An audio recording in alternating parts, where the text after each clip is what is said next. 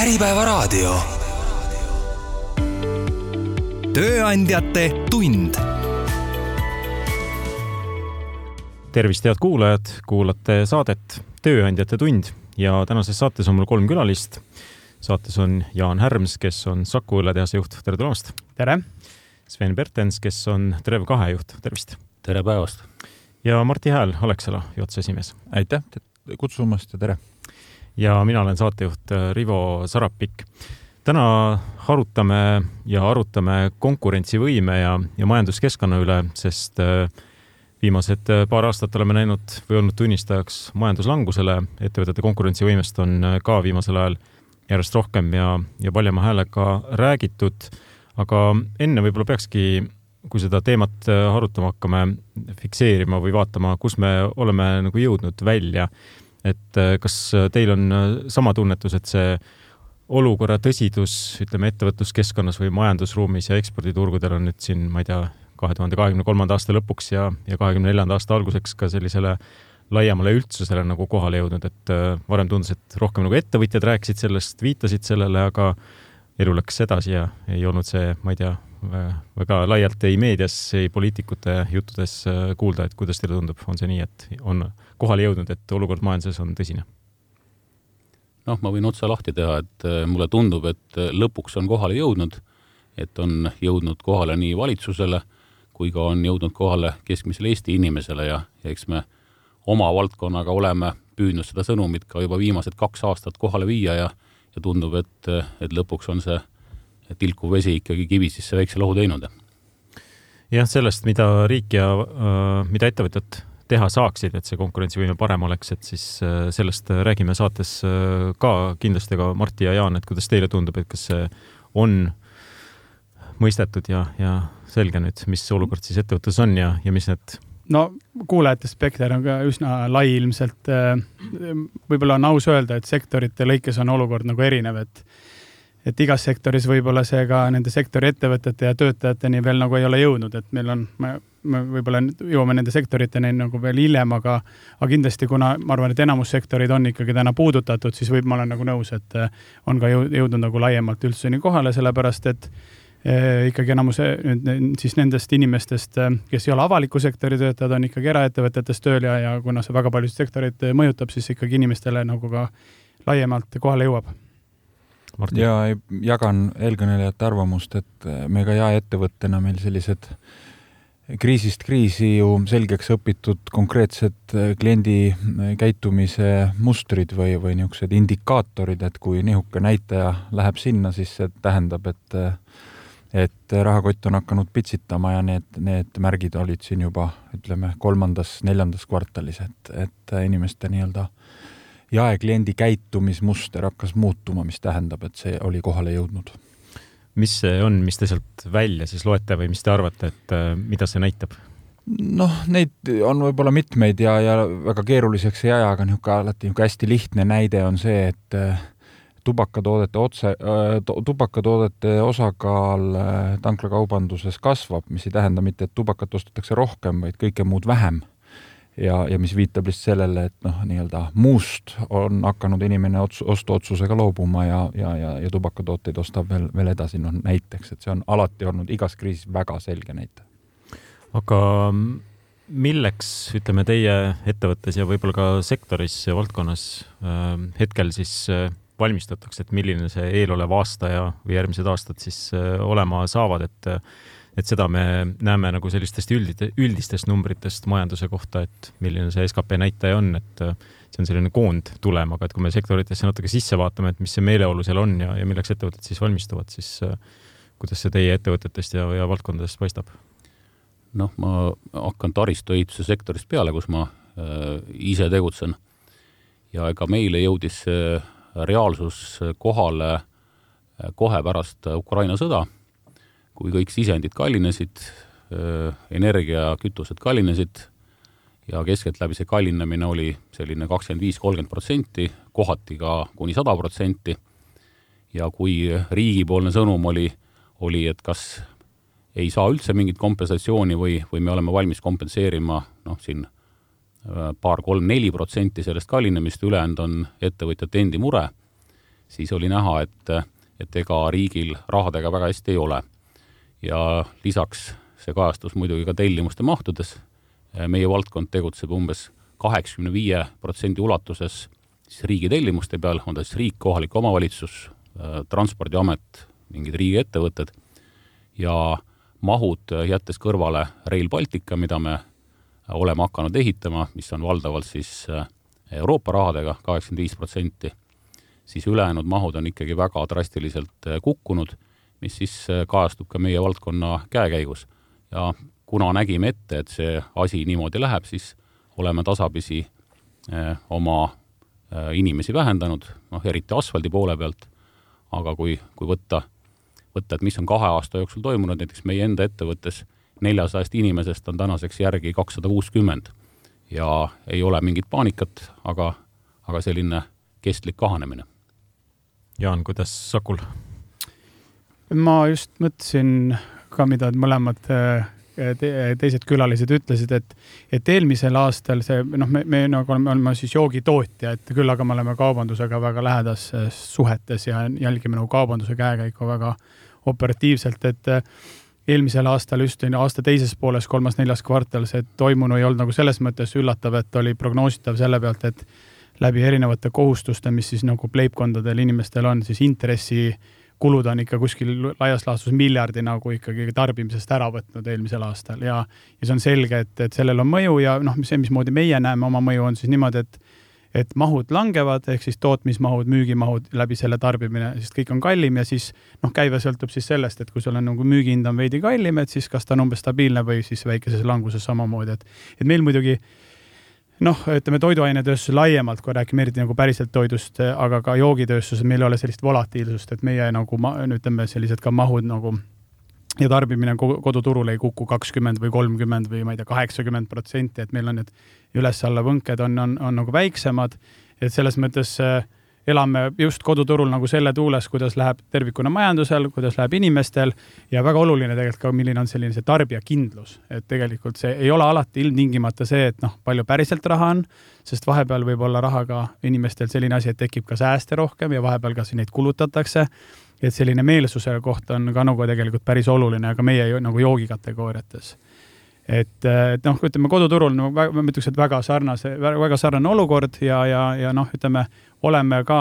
samast tuulest toime tulnud, aga väiksema volatiilsusega võiks siis nagu niimoodi öelda. Martti, milline see aasta paistab, mis te mm.? no ütleme, Alexela energiaettevõttena, eks ole ju nii, nii, nii, nii energiatootjana, siis selline agregaatorina või ütleme siis, kes, kes ühelt poolt koondab hästi paljude tootjate nii-öelda ähm, on need siis elektronid või molekulid, eks ole ju, mida, mida kliendid vajavad, nende, nende hankimine, nende import, tarne, kogu see logistika pool ja teiselt poolt siis äh, tarbija, et äh, et Ehm, eks noh, energiavajadus meie laiuskraadil noh, majanduslangusest või kasvust sõltub noh, rohkem ärikliendi poole peal ja vähem erakliendi poole peal, sest, sest eh, seal on niisugune vältimatu miinimum, eks ole, ees, et, et võib-olla energiaettevõtted siin kõige rohkem eh, möödunud ajad ongi mõjutanud nagu kahes osas, üks on väga volatiilsed hinnad, no mis on tegelikult puhtalt seotud nende tarneahelate katkemise või katkestamisega, eks ole ju, kas siis, kas siis äh, objektiivsetel või, või, või nii-öelda poliitilistel otsustel siis nende asendamisega ja, ja, ja defitsiidiga ja paanikaga ja, ja ühesõnaga, et kõik need asjad kokku. Ja noh, volatiilsus tähendab energiaettevõttel lihtsalt seda, et kuna me ju vähemalt kuu tarbimise oma klientidele peame nii-öelda finantseerima või krediteerima, siis noh, võib vabalt juhtuda, et et see kõikumine seal käibevahendite mahus on noh, paar korda, eks ole ju igal juhul aasta kuude lõikes ja noh, ega Euroopast ka sõja alguse järel on kümneid ja kümneid energiaettevõtteid, kes kas läksid pankrotti või, või kellele riigid andsid miljardeid äh, juurde selleks, et nad ei läheks pankrotti, et, et selles mõttes võib öelda, et Eesti energiaettevõtted üleüldiselt on tegelikult olnud Euroopa nagu taustal ülitublid oma nende riskide juhtimisega. Kõik on saanud ise hakkama. Ja, ja aga, aga noh, ka meil, ma arvan, et igakuist energiaarvet saab meilt umbes sada seitsekümmend viis tuhat klienti ja noh, seal on ikkagi väga selgelt näha seda, seda muutust, alustades võlgnevuste kasvamist, lõpetades pankrottide ja saneerimisotsuste ja sellega, et selles mõttes noh, kõik see lööb ikkagi sealtpoolt sisse. kas paneb muretsema ka need näitajad just? jaa, ei kindlasti ja noh, küsimus ei ole mitte ainult noh, nii-öelda siis ettevõtte enda vaates, eks ole, ju muretsed loomulikult iga päev ju, eks vastutad siiski mm, sadade leibkondade eh, toimetuleku eest ainuüksi oma ettevõttes ja, ja, ja rääkimata klientide juures, aga aga noh, suurem mure on ikkagi nagu sellega, et et äh, tunneli lõpus äh, valgus paistma hakkaks või järjest eredamalt ja, ja vahest tundub, et, et võib-olla kõik tegevused ei ole suunatud mitte selle, selle taskulambi sisselülitamisele, vaid, vaid pigem tunneli pikendamisele. Ähm, nagu öeldud, siis majanduslangus on kestnud pikalt ja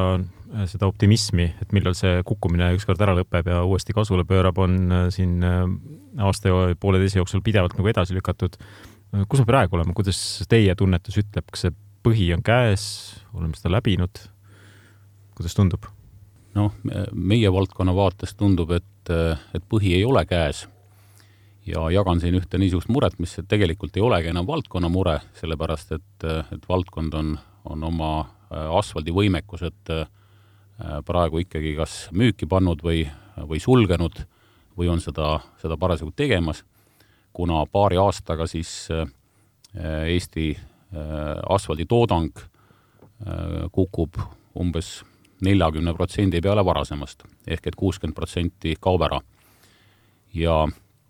ja meie, meie muidugi organiseerime oma tegevused ringi, saame kuidagi hakkama,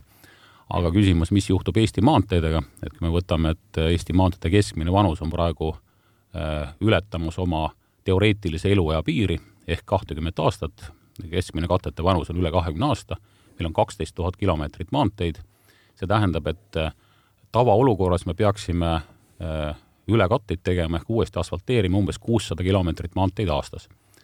Äh, käesolevaks aastaks on planeeritud ülekate natukene vähem kui kaheksakümnel kilomeetril. ehk et me ei tee isegi viiteist protsenti sellest, mis tarvis oleks, ja ega need tulemused ei jää kindlasti ühel hetkel märkamata, see protsess ei toimu hetkega mitte päevade ja nädalatega, vaid seda mõõdetakse kuudes ja aastates, aga me kaevame tegelikult järjepidevalt seda auku järjest sügavamaks ja noh, võrdluseks, et kui siin äh, õpetajatel on kümme miljonit puudu ja, ja terve äh, valitsus otsib nädalate viisi, et kustkohast me selle kümme miljonit võtame, et ega noh, ma saan aru, et Haridusministeeriumi eelarve on ainult üks koma viis miljardit ja noh, see kümme miljonit on sealt mingi null koma kuuskümmend seitse protsenti, et noh, seda on suhteliselt raske leida. Aga et maanteedest on puudu igal aastal umbes kakssada viiskümmend kuni kolmsada miljonit eurot igal aastal. ja mida kauem me selle investeerimisega venitame, seda kehvemaks olukord muutub ja see ühel hetkel mõjutab ka Eesti majandust, sellepärast et kui puuduvad turvalised, kiired, mugavad ühendused, et ega siis keegi sellisesse kohta investeerida ei taha.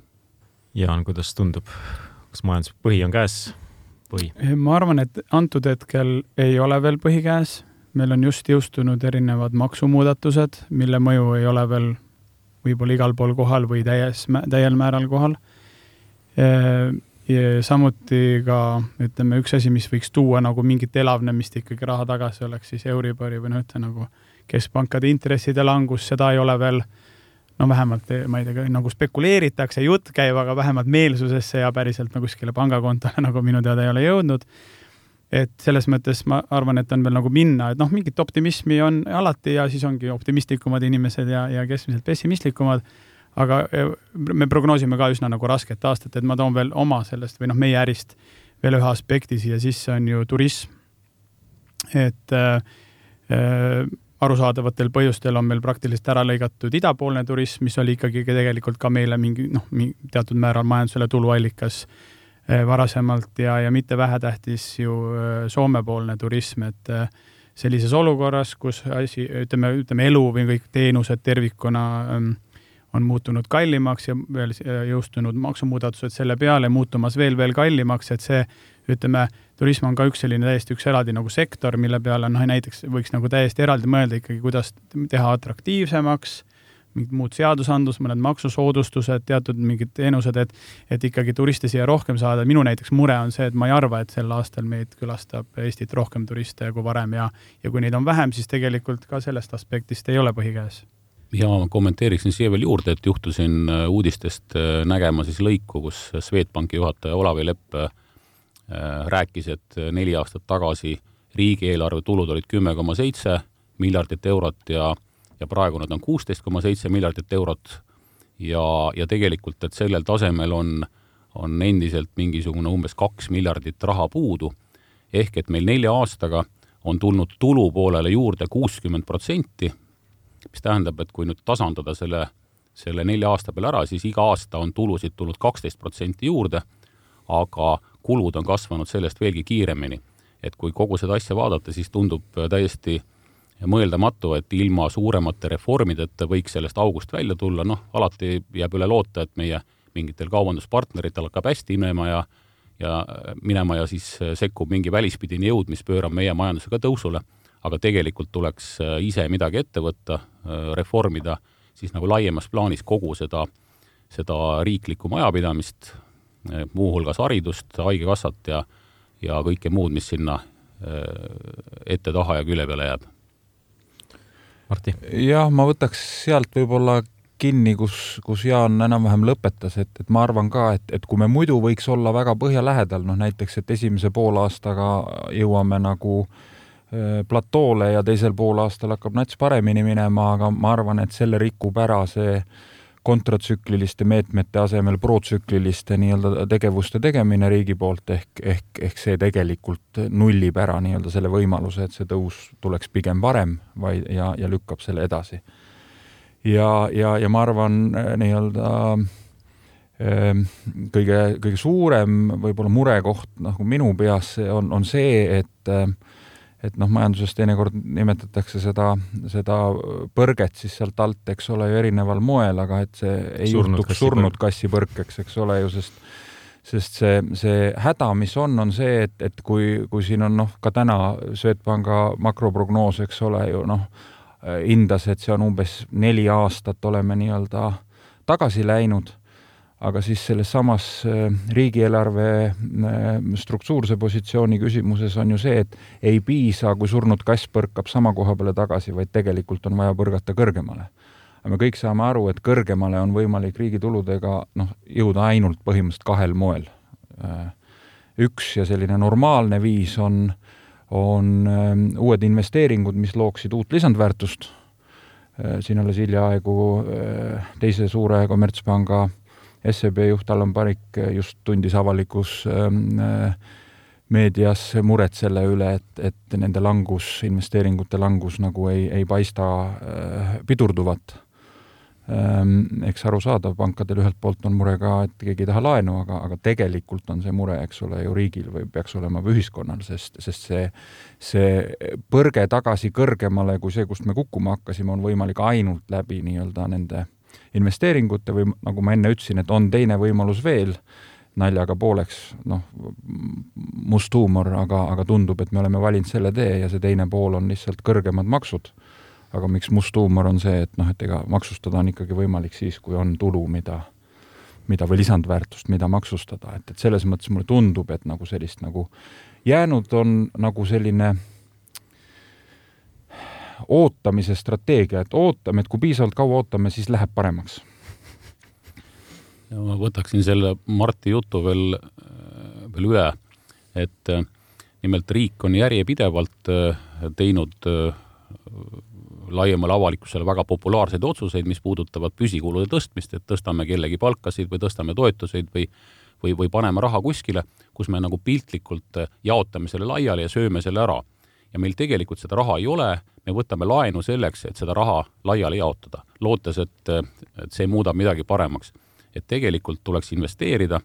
ja kuna ilmselgelt riigil enda raha ei ole äh,, välisinvestor võib-olla väga kergekäeliselt praegusel ajal siia ka tulla ei taha, et siis on, on ainukesed võimalused, et kas äh, kasutada euroraha ehk mingisuguseid toetuseid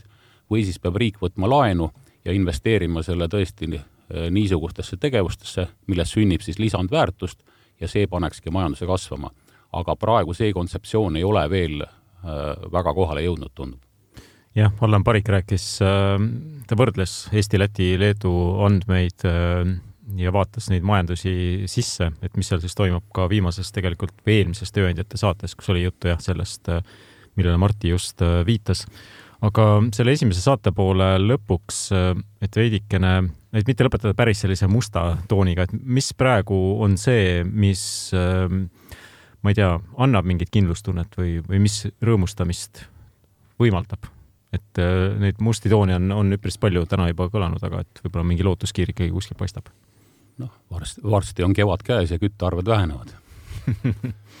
noh, see ka kindlasti ja, ja teine mulle tundub, et, et ega elu on ju ikkagi näidanud eriti siis järjest noh, nii-öelda suurema heaolu tingimustes, et, et äh, paremaks saab ikka ainult siis minna, kui, kui korraks läheb väga valusaks, et ennem ei õpi ikka, ikka keegi ja, ja, ja äkki siis noh, loodame, et see, see hakkab siis kätte jõudma, see piisav valu selleks, et, et nagu vajalikud otsused äh, ära tehakse. see on huvitav jah, et muidugi teedeehitajal on ju ka samamoodi hooaeg, et, et meil läheb ka kõik asi paremaks siis, kui mätas kuivaks läheb ja ilm soojaks läheb joogitööstuses, et aga veel võib-olla, et noh, ka jah, mitte olla nagu sügavalt pessimistlik, mida ma inimesena üldse ei ole, aga et äh, selle turismi, mida ma enne kirjeldasin, et sellel on kaks poolt, et ühest küljest, et kui on kallis või kallim või tundub kallim ja inimesi tuleb meile siia külla vähem, siis teisest küljest, kui on kallis ja ressurssi on puudu, siis ka meie enda inimene läheb välja vähem et tegelikult selline noh, siseturismi pool on ju, viimasel ajal tegelikult selgelt nagu hoogustunud ja osakaalu võtnud, et seegi vähemalt noh, mõnes mõttes ütleme, ütleme turismiettevõtjatele noh, kes ütleme noh, saavad ka kohalikule turistile teenuseid pakkuda sobivaid, siis see tegelikult nagu tasakaalustab mingil määral, et seal nagu ei ole nagu kõik nagu nii ka nagu must selles mõttes. Räägime nendest sammudest, mida siis peaks astuma nii ettevõtjad kui ka riik selleks, et äh, Eesti oleks atraktiivne investeerimiskeskkond, meelitaks investeeringuid, mitte ei peletaks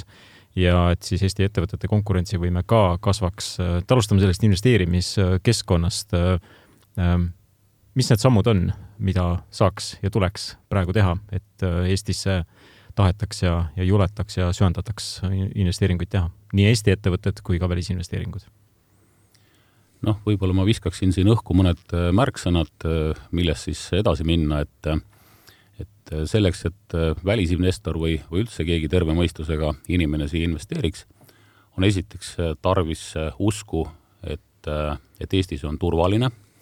sellega meie valitsus on, on enam-vähem kenasti tegelenud, on tegeldud kaitsevõimega, sinna on investeeritud ja noh, ütleme sellega, et meie kõrval asub äh, asub Venemaa, me paraku geograafiliselt äh, vaadates midagi ette võtta ei saa, ehk et omalt poolt oleme kõik teinud, et, äh, et see turvalisus siin püsiks. Teine märksõna minu arvates võiks olla majanduskeskkonna stabiilsus, sellega nüüd on eriti viimasel aastal olnud üsna kehvasti, alanud on selline maksuralli, millele küll on käsipidur praegu peale tõmmatud, kuna on vist kõigile selgeks saanud, et et lõputult neid makse tõsta ja välja mõelda ei saa, et, et sellest hakkavad tekkima äh, erinevad äh, tagasilöögid. kolmas märksõna võiks olla näiteks äh, transpordiühendused, kohati on sellega nagu enam-vähem, kui me vaatame siin lennuühendusi ja, ja meritsüühendusi, maanteed meil ei ole nagu väga heas seisukorras, raudtee on hetkel peaaegu et kasutuses ainult siseriiklikult, kuna Venemaa suunal enam, enam transiiti ei toimu ja, ja sellesse peaks siis, siis riik äh, kindlasti lähiaegadel panustama, et need transpordiühendused oleksid mitmekülgsed ja, ja pakuks siis erinevaid äh, võimalusi nii inimeste kui kaupade liigutamiseks. ja veel üks märksõna võiks olla haridus, ehk et kui ei ole äh, haritud tööjõudu, siis on samuti väga raske äh, leida põhjust, et miks kuhugi investeerida, noh ja lisaks see tööjõud võiks olla veel ka äh, ikkagi siis konkurentsivõimelise hinnaga, sõltuvalt muidugi, et, et mis tööd äh, siis, äh, siis tehakse. ja äh, viies märksõna, energia, igasugune tööstus, tootmine, ehitustegevus, muu kasutab energiat ja kui energia on kallim kui ümberkaudsetes riikides, siis on samuti väga keeruline olla konkurentsis ja, ja leida häid põhjusi, et miks kalli energiaga ja tööjõuprobleemidega riiki investeerida. nii et äh, siin, siin on nüüd päris palju mõtteid õhku visatud ja eks siis kolleegid arutavad edasi neid. Martti või Jaan, äh, tahate midagi lisada, vastu vaielda? no ma äh, ei hakka neid kordama, sest need olid väga õiged mõtted kõik, aga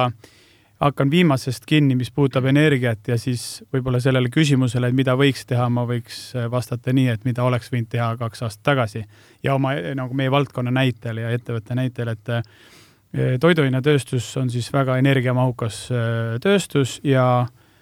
toodab siis oma tooteid ja turustab nii koduturule kui ka eksporti, et on mitmed toidutööstuse ettevõtted Eestis, kes on väga suured eksportöörid, et tegelikult meie, meie enda tehas on üks nendest ja see on täpselt selline väga oluline koht, kus kus teatud hetkel, kui energiakuludest eelkõige, aga noh, energiakuludega ka kaasnevatest muudest kuludest ja sellest kõrgest inflatsioonist tulenevalt me ikkagi väga paljudes ekspordiriikides enam ei konkureerinud, just nimelt kuna teistel riikidel äh, meie ümber ja tootjatel olid toetusmeetmed, mis tegelikult andsid võimaluse selle üle elada. ja ma olen alati oma klientidele sellest väga avatud kaartidega rääkinud ja oma töötajatele, kellele iganes, et kui meil on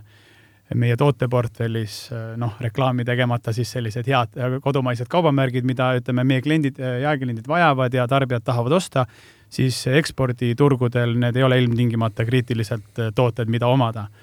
Ja olime olukorras ja oleme kaotanud päris palju turge ja, ja käivet seetõttu, et on olnud äh, siis teisi hankijaid meie ekspordiklientidele, kus hinnad vahepeal ei ole tõusnud, kuna riik, riiklikud, riiklikud meetmed on see neid kulude nagu inflatsiooni või siis ütleme, kulude äh, tõstmist äh, või tõusu nagu katnud. et tegelikult, mida võiks nagu teha, noh, see on nagu meie tööstuse näide, aga neid tööstuseid Eestis on veel, et et see, kui ärimudel on nagu siseriiklik, puhtalt, puhtalt nagu kodumaine müük ja tarbimine, ma arvan, et noh, seda nagu ütleme, turutõrkena nagu äh, täiendavalt ütleme kuidagi elus hoida ja peale maksta, ma ei tea, kui mõistlik on, aga just need sektorid ja need ettevõtted, kes on nagu olulisel määral üle teatud piiri, kas osakaalult või absoluutväärtuses ekspo-, eksportijad ja töökohtade loojad, ma arvan, et nende nagu toetus on nagu äärmiselt oluline, et see, see üks hetk ka kaks aastat tagasi või noh, viimase kahe aasta jooksul on maha magatud, väga palju on kaotatud, ka meie oleme väga palju eksporti kaotanud. aga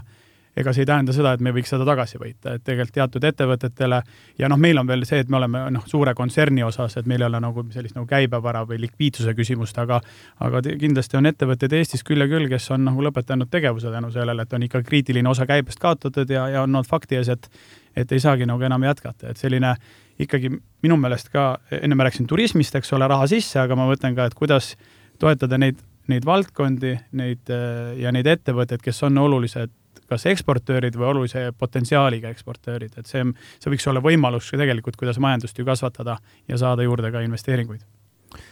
selle vastuseks oleme kuulnud tegelikult ju, et selleks pole vahendeid, et sellepärast seda ei, ei saa teha. jah, ja siis äh, hästi lihtne on niimoodi vastata, sest et see vastus on poolik, äh, selle, selle, sellest vastusest on puudu siis see pool, et tegelikult Äh, see, need, sinna vahendite panemine loob juurde tegelikult täiendavad vahendeid ja siis tegelikult sellele ülekatet, et see ongi nagu see loogika, et või, või lisaks sinna juurde, et seda tegemata jättes ja. tuleb arvestada, et homme on veel vähem raha. eks ju, et sellel on tegelikult nii-öelda pöördvõrdeline mõju, äh, sest äh, eksportiv tööstus igal juhul konkurentsivõimes siis, siis alla jääb kirjutan alla nii Sveni kui, kui Jaani mõtetele ehm, selles osas, ehm, aga, aga pakuksin võib-olla mõned noh, ma ei tea, kas need nüüd lahendused on, aga ütleme, et kus mina teeks, kui oleks minu, minu nagu teha. esiteks mulle tundub, et Äh, vast on mööda saamas see mm, noh, nii-öelda ootus, et äh, kuskilt kaugelt tulevad välisinvestorid, äh, teevad suured investeeringud selles geopoliitilises olukorras ja pööravad Eesti majanduse noh, nende ennem räägitud investeeringute kaudu äh, uuesti tõusule, et et, et kõige tõenäolisem ikkagi nii-öelda sellel kümnendil või nii-öelda võimalikult kiiresti see, see nina ülespoole saada, on ju päriselt ikkagi äh, sektorite kaupa ja, ja noh, kindlasti tuleks alustada äh, eksportivast töötlevast tööstusest, mis, mis on ikkagi see jalg, mille peal noh, ka siiani meie ühiskond ikkagi suures äh, osas seisab ja millest võib-olla liiga palju ei saada ühiskonnas aru, kui oluline see on. ja veel kord, selle jutu mõte ei ole mitte see, et teenuse eksport oleks kuidagi halb, vastupidi. Äh, võiks kasvada veel kiiremini, kui ta siiani on kasvanud, aga ta kindlasti ei suuda äh, veel niipea asendada ja ma ei arvagi, et see oleks hea, kui ta asendab, sest töötleva tööstuse, eksportiva töötleva tööstuse üks hästi suur eripära ja eelis on see, et selle äraviimine majanduskeskkonna muutumisel on keeruline ja kallis ja seda tehakse ikkagi kõige viimases äh, nii-öelda hädas ja, ja selle tõttu on see nii-öelda riigi või rahvusliku majanduse mõttes nagu üks kindlamaid vundamendiposte. Aga ühesõnaga, et, et ma arvan, et tuleks võtta sektorite kaupa, sektoris, igas sektoris, ükskõik kuhu me vaatame, Eesti väiksusel võiks siin olla see suur võlu, et on noh, ma ei tea, kolm kuni viis ettevõtet, kes tegelikult annavad selle nii-öelda tooni või tonaalsuse või selle usu või see, milline trend mingis sektoris on, võtta need kokku, küsida, mis on need kolm või viis kriitilist asja, mil, mis oleks vaja keskkonnas selleks, et uh, uus investeerimistsükkel ikkagi hakkaks ja siis noh, leida võimalused need, need eeldused luua. Äh, sest, sest noh, teist võimalust tegelikult ei ole, ütleme, et arengukava töörühma ei ole mõtet kokku kutsuda, selles mõttes, et see ei, ei äh, ei paranda Riigikassa seisu või, või lähiaastatel, et ähm, et ja niimoodi võiks võtta nagu sektorist sektorisse ja, ja ma arvan, et ja kindlasti kõigi muresid ei suudagi lahendada, selles mõttes, et see on adekvaatne väide, et raha ei ole. aga küsimus on selles, et et teatud sektorid, mis võiksid olla ikkagi strateegiliselt olulised äh, Eestile ka, ka ütleme, kolmekümnendal aastal või, või kolmekümne viiendal või neljakümnendal, noh, nende elujõu taastamine ja konkurentsivõime taastamine kahekümne neljandal aastal peaks olema tegelikult prioriteet äh, number üks selleks, et järgnevatel aastatel võiks Riigikassa seis paraneda. ja, ja võib-olla teine mõte siia juurde, mis seda energiasisendit puutub, siis noh, ma võiks jäädagi ilmselt lugema seda, mis minu arvates möödunud kümnendil on jäänud tegemata selleks, et me ei oleks selles olukorras, aga aga sellel ei ole mingisugust kasu, sest see ei paranda meie positsiooni. Äh, aga, aga ma pigem arvaks, et see võiks anda selle julguse ja nii nagu ma rääkisin nendest eksportivatest sektoritest või, või üldse sektoritest, samamoodi energeetikas, et et teha tegelikult ära need quick fix'id, eh, miks me selles olukorras oleme, sest, sest jällegi nii nagu, nii nagu eksportivale tööstusele paljud meie konkurentriigid nii regioonis kui Euroopas laiemalt, samamoodi tegelikult energeetikas see, millise massiivse nii-öelda riikliku sekkumisega, ma ei pea siin silmtingimata silmas raha andmist, vaid igasuguste nii-öelda tingimuste loomist sellega hästi palju meie konkurentriigid tegelikult toetavad ja, ja, ja miks see on nagu oluline, on, on just see, mis tegelikult siin eelkõnelejatel kõlas, et ega energeetika ei ole ju asi iseenesest, see on nagu äh, ettevõtete või majanduse vereringe, et, et niikaua, kuni see toimib, nii palju kaua ei pane keegi tähele ja, ja siis, kui on tõrge, nagu viimased äh, kaks aastat äh, vähemalt, eks ole, või tegelikult kahekümne esimese aasta sügisest, eks ole ju, läksid need nii-öelda äh, hinnad lendu, eks siis, noh, siis seda märgatakse, aga õnneks on seal olemas ka lahendusi, kuidas optimeerida, noh, Alexela on selle nii-öelda energia kui teenuse visiooniga töötanud juba aastaid ja, ja, ja õnneks Saku õlletehasega oleme ka mingisuguseid projekte käivitanud, aga sealt on veel, ütleme, et oleme alustanud, sealt on tegelikult pikk maa minna selleks, et näiteks selles samas energiasisendis saavutada olukord, kus äh, kus ühelt poolt on hind stabiilne, äh, jõukohane, aga teiselt poolt äh, ei saa ära unustada seda, et eriti nendest sihtturgudest ja eriti, kui me räägime Skandinaaviast ja muust, siis järjest olulisem on see, milline on selle energia äh, süsiniku jalajälg, sest ka see mõjub konkurentsivõimele, siiani võib-olla vähem, tulevikus ilmselgelt juba lähitulevikus rohkem. Ja ma tooksin siia sisse veel niisuguse väljendi nagu pikk plaan või pikk vaade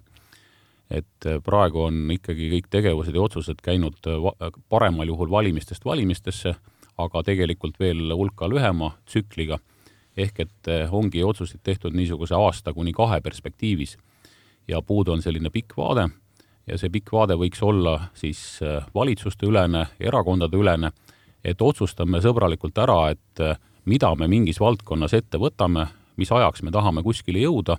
ja siis kõik äh, otsused, olgu seal valitsuses parasjagu ükskõik millised erakonnad,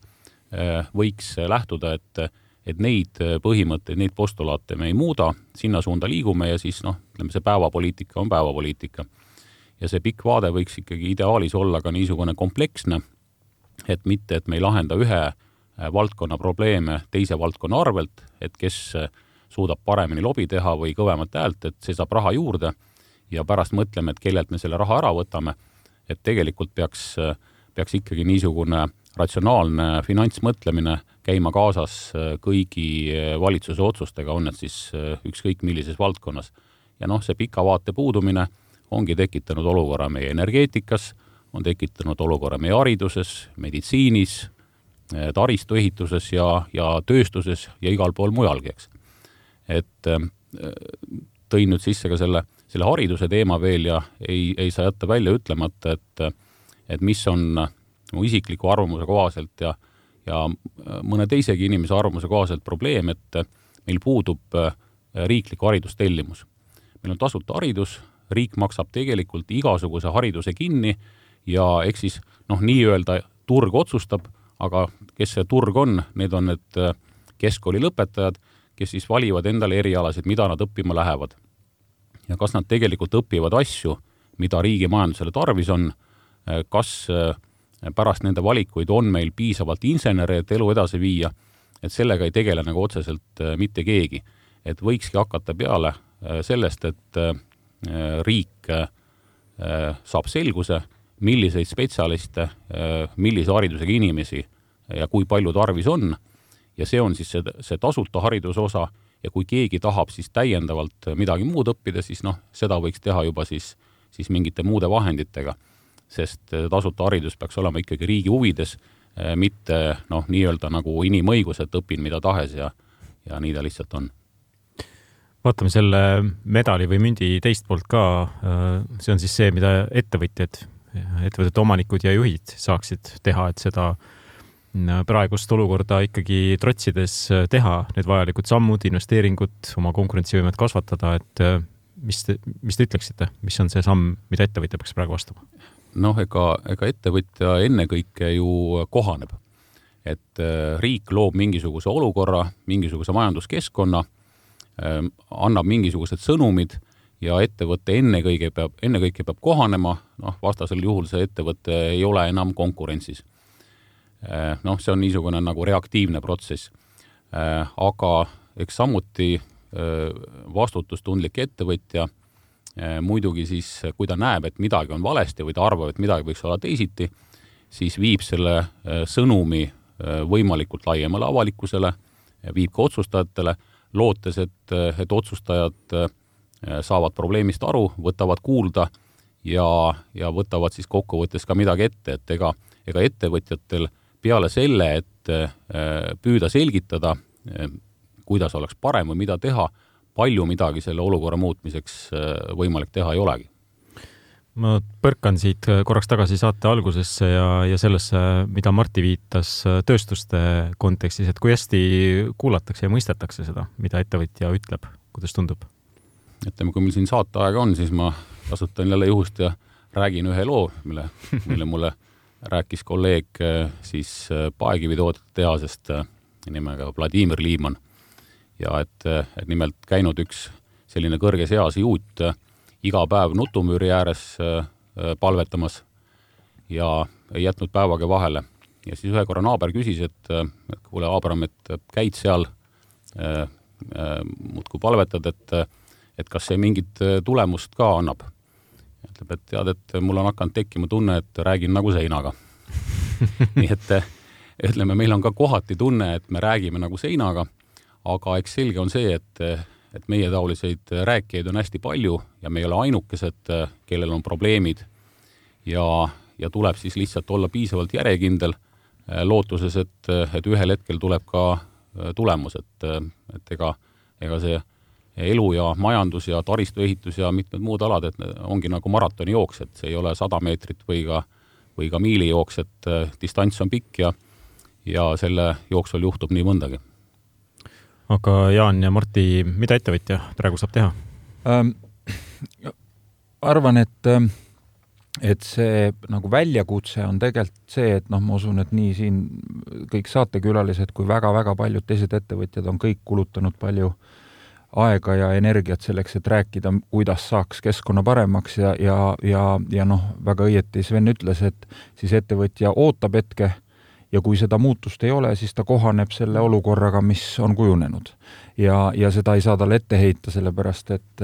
et äh, ta peab jätkusuutlik oma tegevuses ka olema. ja mulle tundub, et see, see muutus peaks tulema nagu sellises nagu äh, ütleme siis avalikus nagu suhtumises või ootuses ettevõtjatesse, et minu arust me ei ole ikkagi nagu ühiskonnana sellisest äh, noh, veidi halvamaigulisest ärimehe kuvandist äh, veel päriselt üle saanud ja ja noh, ma võin isikliku näite tuua, et siin ei olnud palju möödas paar kuud tagasi, kui kuskil meedias avaldati äh, lobistide edetabel ja, ja ma olin, Alexela oli Eesti Energia VKG järel äh, taunitaval kolmandal kohal, eks ole ju, noh, tegelikult on selle nimi ju täpselt seesama, mida mida Sven just ütles, et sa käid ja püüad selgitada, kuidas elu Eestis paremaks läheks. Aga ma arvan, et see, miks me tihtilugu jookseme vastu seina või jääb mulje, et seda ei kuulata, on, on tegelikult vastureaktsioon sellele, et Eesti väiksuse puhul tekib tunne, et äh, kui nii teha, nagu need ettevõtjad ütlevad, siis pärast heidetakse ette sellele avaametnikule või poliitikule või kes iganes siis selle, selle muutuse esile tõi, et ta tegi selle muutuse selle ettevõtja või nende ettevõtjate või selle sektori nii-öelda nagu kasuks. Minu arust me peaks sellest valehäbist nagu üle saama ja, ja, ja nagu võtma seda positiivset poolt, sellepärast et kui ikkagi teha muutus, mis mingile sektorile ehk mingitele Eesti ettevõtetele toob kasumi, siis tuleb sellest aru saada, et see ongi riigi eesmärk. riigil läheb seda paremini, mida suuremad on Eestis tegutsevate ettevõtete kasumid, mitte vastupidi ma mõlemad siis äh, saatekülalist ka omal moel täiendan, et äh, noh, esiteks ma, äh, mina ei ole selles mõttes ettevõtja, et ma ei ole ettevõtte omanik, vaid ma olen ettevõttesse palgatud juht ja, ja minu töö tegelikult noh, tulevikku siis vaadates on üks osa siis motiveerida oma inimesi ja teha selliseid plaane vastavalt siis äh, kohanedes, et millesse ma ise usun. ja teisest, teiselt poolt siis tegelikult manageerida ka omanike ootusi, aga ka siis saada vajalikke investeeringuid ja niimoodi, et, et mõnes mõttes mul on selline roll nagu kahe, kahe vahel, küll aga eh, noh pole olnud ka kunagi poliitik, küll aga poliitikast huvi, huvitunud, et ettevõtjal on hästi lihtne aru saada, mida tähendab pikk vaade, mis asi see on, miks sa seda teed paljud asjad, eriti investeeringud on väga pikaajalise mõjuga, et, et ja siis on see meie nagu poliitiline maailm ja poliitilised otsused, et see ongi noh, teinekord ongi nagu väga raske nagu aru saada sellest, et seda, et see puudub. ja eks see, eks see ongi meil nagu viimasel ajal, ma ütleks isegi nagu selgelt valesse suunda läinud, et selline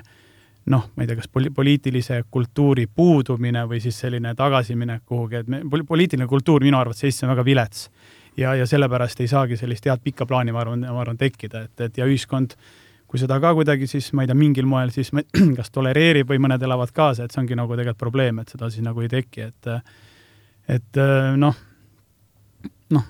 pea, peaks olema, võiks olla ja, ja see kindlasti aitaks, aga ega ma, ma toon ühe näite veel, mis Marti nagu, oli see lobistide edetabel, mida ma nüüd konkreetselt ei tea, aga noh, ma kujutan ette seda edetabelit. et seal on jah, selline see ettevõtjate ja see maine või selline noh, ütleme mingi positsioon ka, et et äh, ma ise hiljuti, äh, äh, see oli ETV saade, kus mina isiklikult ei osalenud, oli meie konkurent ja oli ka, oli ka üks poliitik ja ühe siis ministeeriumi tippametnik ja, ja tema siis argument, miks seada täiendavaid piiranguid meie tööstusele ja tõsta meil makse, oli see, et ta vaatas A Le Coq'i kasumiaruannet ja seal oli kasumit küll, küll ja veel et ja, ja, ja selline lause selliselt inimeselt, sellises keskkonnas, sellises eetris minu meelest kuvab nagu seda mõttemaailma, mis on nagu täiesti nagu vääristunud, et, et kui me niimoodi mõtleme, et okei okay,, et võtame kõikidelt ettevõtetelt veel rohkem kasumeid ära, siis ma ei usu, et nagu see, nagu see meie see nagu,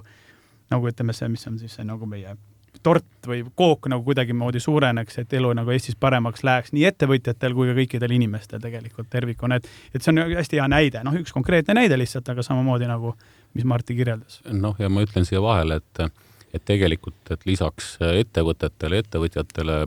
ettevõtte juhtidele on olemas ju sellised asjad nagu tööandjate ühendused ja erialaliidud. ja me siin ka kõik kuulume päris, päris mitmesse niisugusesse ühendusse. ja üks on selge, et kui siin, siin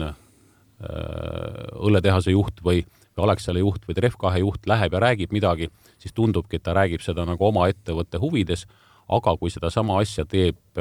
erialaliit või teeb Tööandjate Ühendus, on see Tööandjate Keskliit, siis tegelikult on see meie kõigi huvides, see on Eesti majanduse huvides ja ei ole põhjust arvata, et, et sellega nagu sillutatakse kellelegi ebaõiglaselt teed mingi kasumi teenimisele, vaid et seal taga on ikkagi hulk ettevõtjaid, kes on omavahel konkurendid ja, ja see ühisosa ongi see, mis siis edendab Eesti majandust, nii et äh, tasuks kuulata neid äh, ühendusi, mis, mis äh, sõnumid sealt tulevad. hästi, aga see on optimistlikum, mulle tundub, punkt saate lõpuks kui see, kust me alustasime ja kust me vahel oleme ka siin vestluses läbi käinud. ma peangi vestluse siin kokku tõmbama, täna oli saates külas Jaan Härms Saku õlletehasest, aitäh sulle! aitäh! Sven Bertens, Trev2 juht, aitäh! aitäh! ja Martti Häär, Alexela juhatuse esimees, aitäh sulle ka! ja mina olen saatejuht Rivo Sarapik, tänan ka kuulajaid ja järgmise korrani, kuulmiseni!